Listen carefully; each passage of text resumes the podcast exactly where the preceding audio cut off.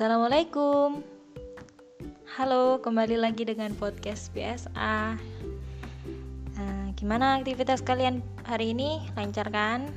Bagaimana dengan aktivitas kalian? Sudah keren belum? Pasti sudah produktif kan? Nah, kemarin aku habis ikut seminar tentang publikasi karya ilmiah di era digital Nah, podcast kali ini saya akan mereview ulang hasil dari seminar itu. Semoga kalian dapat mengambil manfaat dari hasil yang saya review.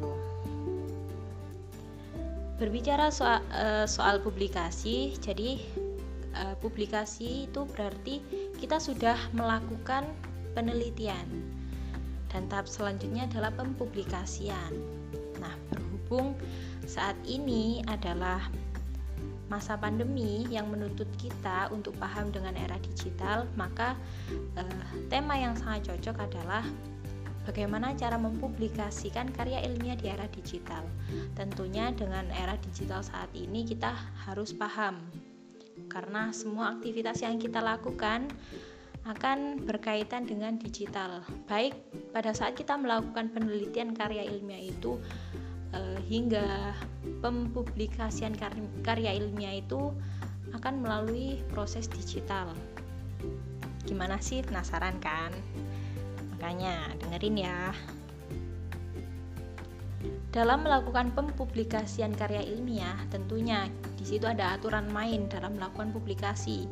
Tidak bisa seenaknya kita sendiri, semaunya kita dalam melakukan publikasikan pempublikasian karya tetapi ada etika publikasi. Di antara etikanya adalah dalam melakukan publikasi kita harus teliti, jujur, independen, terbukti dan terpercaya dalam menjalankan kode etik kepenulisan. Tentunya dalam mempublikasikan karya ilmiah kita tidak bisa seenaknya kita sendiri. Ada hal-hal yang perlu kita waspadai atau kita perhatikan sehingga kita bisa menghindari hal-hal yang tidak e, sepatut, sepatutnya kita lakukan dalam melakukan publikasi karya ilmiah itu. Nah, di antaranya adalah falsifikasi data.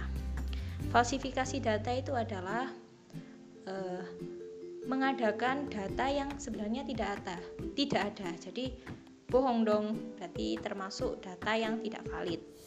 Kemudian ada kita harus menghindari konflik kepentingan.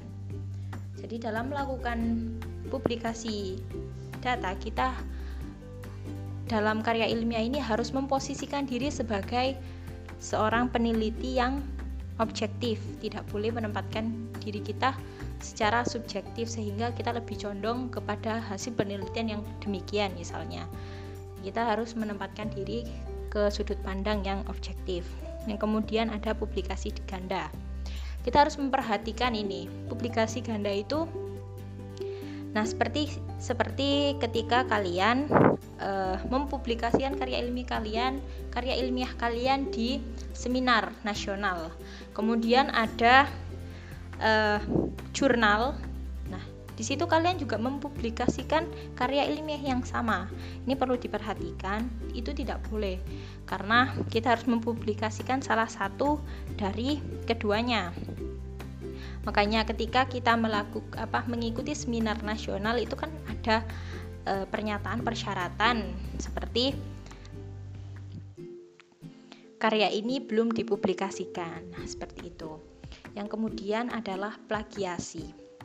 Plagiasi itu adalah momok yang menakut. Ya tidak menakutkan sih. Memang momok yang sudah pada umumnya terjadi di bidang karya ilmiah. Nah, di sini perlu diperhatikan, jika kita melakukan plagiasi, berarti kita tidak menghargai karya orang lain. Dengan demikian, dalam mempublikasikan karya ilmiah kita harus uh, jujur. Nah, kembali ke kode etik tadi, kita harus jujur. Apabila kita mengikuti perkataan orang lain, kita harus cantumkan footnote. Berarti kita menghargai, menghormati hasil karya orang lain. Yang kemudian ada fabrikasi data. Dalam melakukan e, publikasi karya ilmiah kita tidak boleh memotong data yang sebenarnya itu valid, kita potong sesuai dengan keinginan kita makanya itu tadi hindari penelitian yang subjektif kemudian eh, dalam menulis karya ilmiah di sini tentunya ada karakteristik yang baik. Karakteristik yang baik itu karakter yang karakteristik yang seperti apa sih? Yang jelas adalah karya ilmiah itu harus mudah dipahami. Dalam artian tidak tidak membuat orang lain bingung. Yang kedua to the point tidak bertele-tele. Intinya apa penjelasannya bagaimana, hasilnya seperti apa, seperti itu. Kemudian proporsional. Di sini proporsional adalah seimbang antara data yang digunakan dengan hasil penelitian. Kemudian terstruktur. Yang terakhir adalah berbasis data. Berbasis data di sini itu yang membedakan karya ilmiah dengan karya biasa. Nah, dia dinamakan karya ilmiah karena di sini ada ada dukungan data yang kemudian ada struktur artikel ilmiah. Nah, pada umumnya struktur karya ilmiah yang baik itu ada dimulai dari judul, abstrak, pendahuluan, studi site, metode, hasil, pembahasan, kemudian konklusi.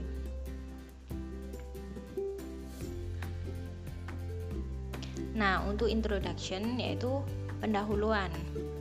Pendahuluan pada umumnya banyak yang menggunakan segitiga terbalik, yaitu pembahasan yang pernyataannya dimulai dari pernyataan umum kemudian ditarik ke pernyataan khusus. Di paragraf pertama kita bisa memberinya, memberi e, pernyataan apa yang telah diketahui pada umumnya. Jadi, misal contoh penggunaan masker untuk mencegah corona. Judulnya seperti itu kan. Nah, di paragraf pertama ini kita memberikan penjelasan yang sudah diketahui secara umum. Jadi, corona itu apa? Masker itu apa? Secara general. Yang kemudian paragraf selanjutnya mulai dimunculkan pembahasan yang jarang diketahui oleh orang atau problem yang akan diangkat. Setelah uh, paragraf yang berisi dengan permasalahan yang diangkat di paragraf selanjutnya eh, diisi dengan kenapa masalah itu perlu diselai, perlu diselesaikan dengan menggunakan bagaimana metode yang digunakan dan tujuan dilakukan penelitian itu. Setelah pendahuluan itu ada pembahasan. Jadi eh, pem, di pembahasan itu yang diangkat adalah temuan utamanya, temuan yang akan e, dibahas di karya ilmiah ini. Setelah temuan itu diangkat, dijelaskan, kemudian diinterpretasikan data yang telah digambarkan tadi. Kemudian ada result atau hasil. Nah, untuk me menjadikan hasil ini menjadi menarik di karya ilmiah, perlu ditampilkan data yang telah diolah yang uh, yang sebelumnya sudah diinterpretasikan itu kemudian di di result ini diolah kembali. Nah agar lebih menarik lagi bisa ditambahkan grafik atau tabel. Ini pilih salah satu tidak keduanya. Setelah sudah ada uh, grafik atau tabel tampilkan dengan susunan yang baik. Oh iya tadi uh, langsung pembahasan pendahuluan pendahuluan ya lupa uh, judul. Uh, judul ini perlu diperhatikan, memperhatikan pemilihan kata atau diksi. Jadi nggak asal pilih judul, kita harus mencari uh, judul yang menarik. Terus bedakan topik. Uh, dalam pengangkatan judul ini pilih topik yang pembahasan yang umum tapi khusus. Seperti contohnya e, dampak penyebaran penyakit akibat gigitan nyamuk. Nah, itu masih e, secara umum, lebih dispesifikan. Nyamuk apa yang bisa menyebabkan penyakit apa gitu misal. sini misal nyamuk malaria. Lah, malaria kan lebih spesifik, dia bersifat umum tapi lebih khusus. Yang kemudian tadi setelah judul itu ketik jika kita lihat struktur penulisannya itu kan setelah judul abstrak. Nah Ini juga perlu diperhatikan dalam menulis abstrak.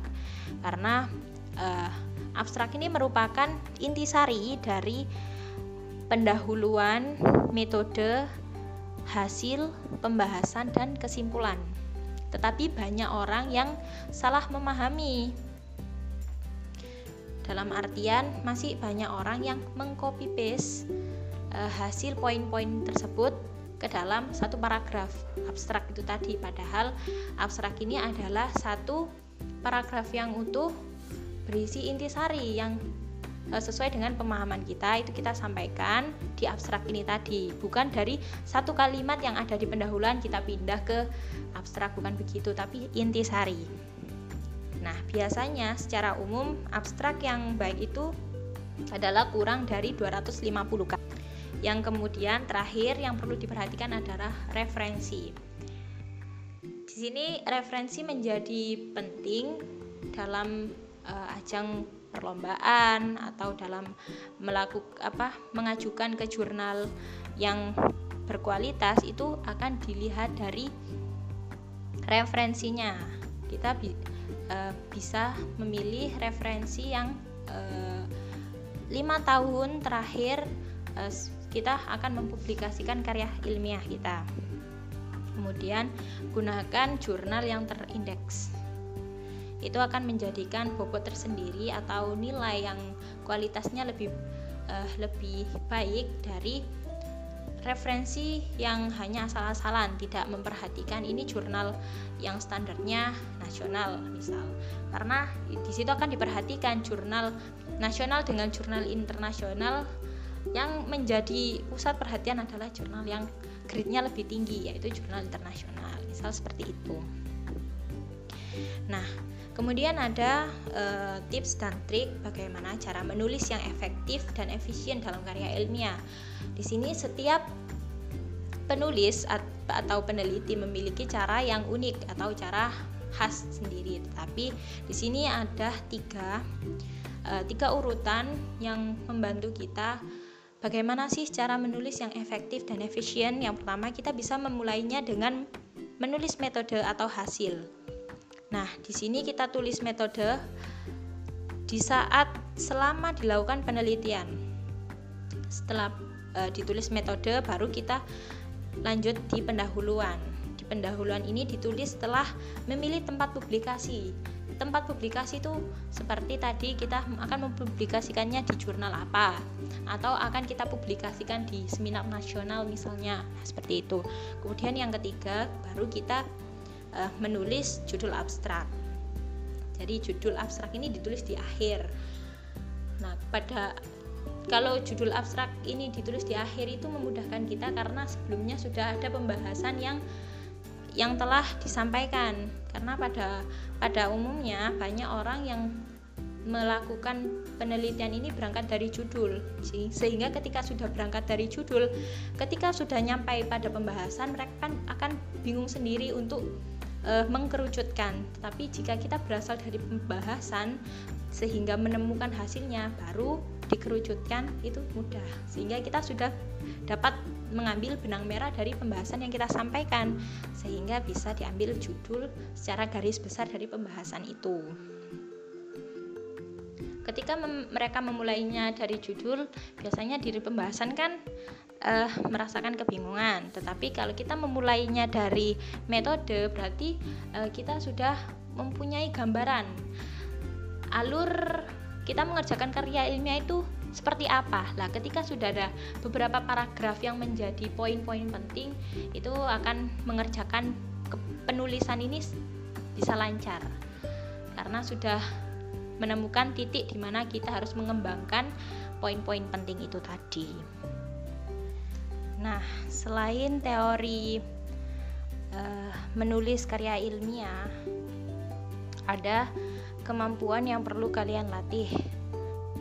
Yang mana di sini akan meningkatkan kualitas dari karya ilmiah tersebut. Yang pertama dari meminta bantuan teman atau orang yang kalian percaya untuk mengkoreksi karya ilmiah. Karena ketika kita membaca karya kita sendiri kadangkala kadangkala kita menganggap karya kita sudah sempurna. Berbeda ketika kita meminta tolong teman misal untuk mengkoreksi. Mereka akan uh, mengkoreksi atau membaca karya kita sesuai dengan sudut pandang mereka. Di sini jelas mereka memiliki masukan dan saran. Jika kita analogikan karya tulisan ilmiah ini seperti uh, seorang ibu yang memasak untuk keluarganya jadi ketika uh, seorang ibu ini memasak jelas di, bukan hanya untuk dirinya tetapi anak, suami dan anak-anaknya bahkan keluarga terdekatnya. Gimana caranya ibu ini bisa menyajikan makanan yang lezat dan sempurna. Nah, ketika mereka e, ketika ibu ini meracik e, bumbunya sudah menurutnya sudah ibu akan menyajikan masakan terbaik menurutnya. Ketika masakan itu dibumbui sudah lengkap kemudian akan e, dicobakan kepada anaknya. Makan gimana menurutmu nak? Apakah ini sudah enak? Misal seperti itu. Jelas anak ini akan e, misal makan ini menurut anak itu belum kurang apa ya belum enak ya. Kurang pedas atau kurang asin ini kurang kurang asin bu. Bisa ditambahkan garam kurang pedas bu. Bisa ditambahkan lombok. Nah dari uh, masukan dan saran anak ini ibu itu akan memperbaiki masakannya sehingga menjadi masakan yang sempurna. Nah, ketika masakan itu sudah jadi dengan masukan yang diberikan anaknya disajikan kepada keluarganya kan menghasilkan rasa yang perfect. Nah, tulisan itu seperti itu. Kita perlu orang lain mengkoreksi apa yang kita lakukan, apa yang kita kerjakan. Kemudian untuk menghasilkan karya ilmiah, kadang kita langsung melihat e, para peneliti dengan karyanya yang luar biasa, karyanya yang beribu-ribu. Tapi mereka yang melakukan banyak penelitian jelas memulainya dari penelitian pertama. Mereka uh, memulainya dari seminar nasional uh, melakukan penelitian dari skala lokal dulu baru nasional kemudian internasional. Begitulah tahapannya. Jadi untuk sampai kepada lantai tiga kita juga perlu melewati lantai pertama. Yang itu kita harus memiliki rasa tidak boleh kepinginnya langsung di atas tapi melupakan uh, untuk lewat dari bawah. Jadi ketika kita dapat lewat dari bawah pasti kita ketika sudah di atas akan merasakan kekuatan yang lebih besar daripada kita langsung langsung ke atas. Yang kemudian untuk meminimalisir plagiasi kita perlu uh, membaca ulang referensi yang apa dengan tema yang telah ditentukan kita baca. Setelah kita baca, kemudian kita ambil intisari dari referensi yang kita baca itu. Setelah menemukan intisari, kemudian direnungkan, baru ditumpahkan dalam bentuk tulisan. Di sini sangat meminimalisir dari plagiasi, bahkan hasil tulisan yang baik adalah hasil dari uh, pemikiran yang yang sempurna, pemikiran yang terstruktur yang terakhir jelas kita harus telaten. Dalam menulis adalah melatih kesabaran seperti yang disampaikan oleh narasumber. Menulis merupakan proses menata pikiran yang mana e, banyaknya ide yang amburadul dalam pikiran kita. Bagaimana seorang penulis dapat menyajikan tulisan ini dalam bentuk bacaan yang enak dinikmati oleh para pembaca? Nah sekian yang dapat saya sampaikan. Semoga bermanfaat. Wassalamualaikum warahmatullahi wabarakatuh. Terima kasih.